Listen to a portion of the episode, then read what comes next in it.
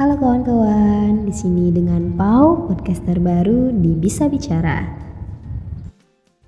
Sebelum kita ngobrol lebih jauh, coba teman-teman posisikan dirinya lebih nyaman, lebih rileks.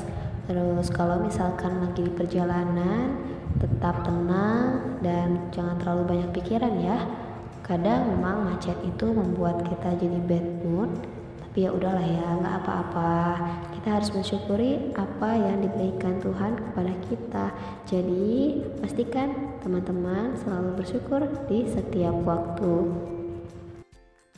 Ngomong-ngomong soal waktu gak kerasa ya sekarang itu udah hari Jumat. Kalau anak-anak Instagram itu pasti ngomongnya Yippee Friday.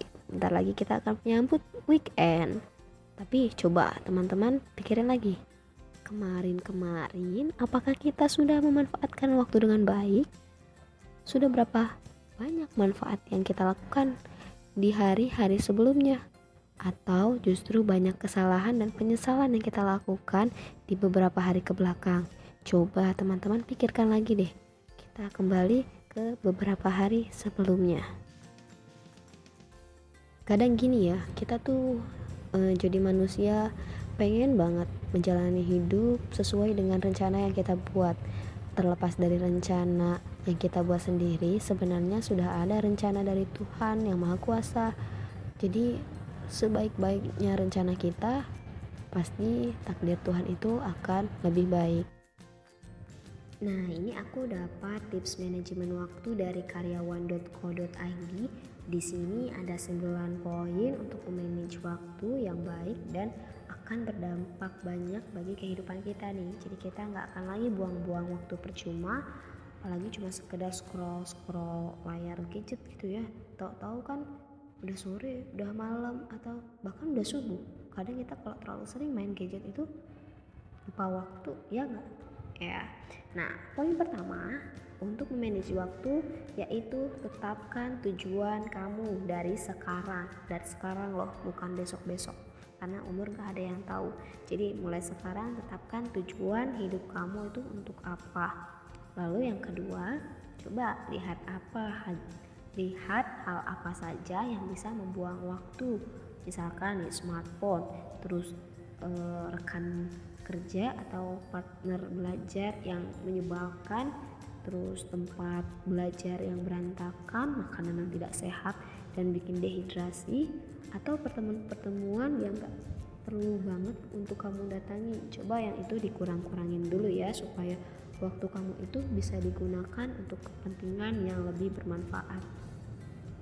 Lalu yang ketiga implementasikan rencana dari yang sudah kamu tulis.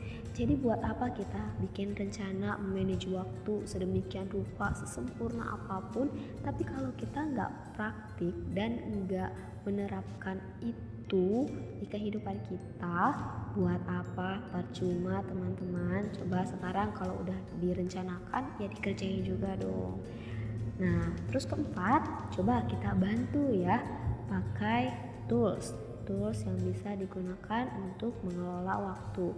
Misalkan nih kita bisa pakai sticky notes yang ditempel atau misalkan pakai sticky notes yang bisa ada di layar atau background handphone kamu. Jadi setiap buka handphone eh, setiap buka handphone kamu itu tahu apa aja yang harus kamu lakukan hari ini atau mungkin pakai alarm atau stopwatch supaya kerjaan kamu itu semakin terpacu dengan waktu dan akhirnya makin cepat beresnya.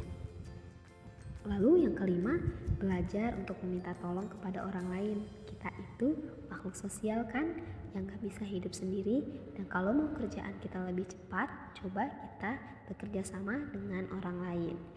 Lalu yang keenam buat jadwal rutinitas nah jadwal rutinitas ini penting banget misalkan kayak uh, untuk weekend kadang kita kan nggak tahu ya mau ngapain daripada gabut ini kita jadwalin di weekend itu kita mau ngapain aja misalkan mendalami hobi atau mengembangkan bakat kita Lalu yang ketujuh, ada biasakan batasi waktu untuk melakukan sesuatu.